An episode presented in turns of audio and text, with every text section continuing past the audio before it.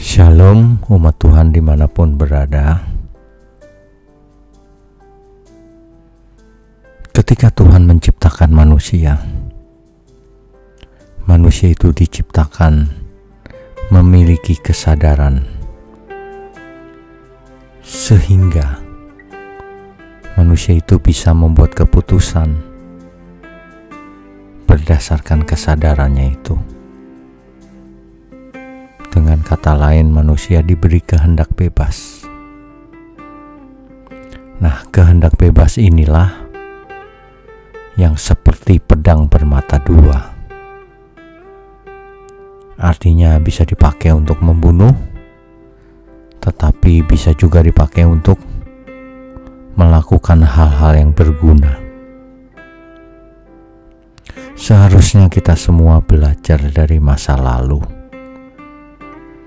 ketika itu Adam menyalahgunakan kehendak bebasnya.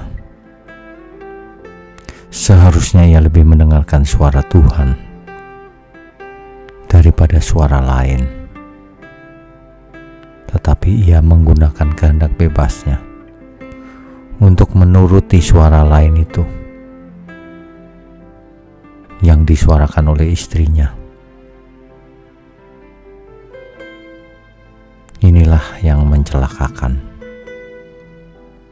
Justru pedang bermata dua ini, yaitu kehendak bebas kita, adalah satu sarana untuk menampi siapa yang berkenan bagi Tuhan, taat sampai mati, mengasihi Tuhan, dan siapa yang tidak. Justru dengan adanya kehendak bebas inilah manusia menjadi ciptaan yang sempurna. Sempurna maksudnya bukan tidak bisa berbuat salah. Sempurna maksudnya bisa membuat keputusan, yaitu kalau mengasihi Tuhan, maka ia menjadi anak-anak Allah. Tetapi dengan risiko kalau kehendak bebas itu disalahgunakan, maka itu justru mencelakakan. Malam ini kita diingatkan bahwa kita semua memiliki kehendak bebas. Oleh karena itu, jangan disalahgunakan.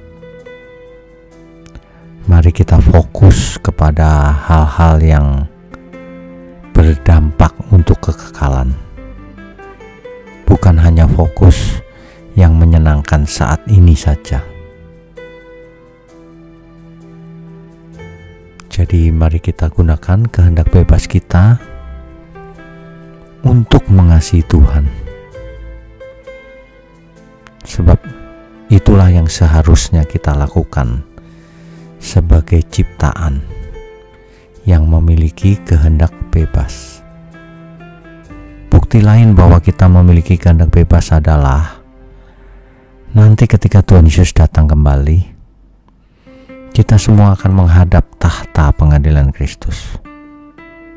Untuk apa? Untuk mempertanggungjawabkan apa yang kita perbuat selama kita hidup. Nah, bicara soal tanggung jawab, juga ada penghakiman, itu sebenarnya bicara soal kehendak bebas manusia. Demikian renungan kita malam ini. Selamat beristirahat malam, saudara. Tuhan Yesus memberkati kita semua. Amin.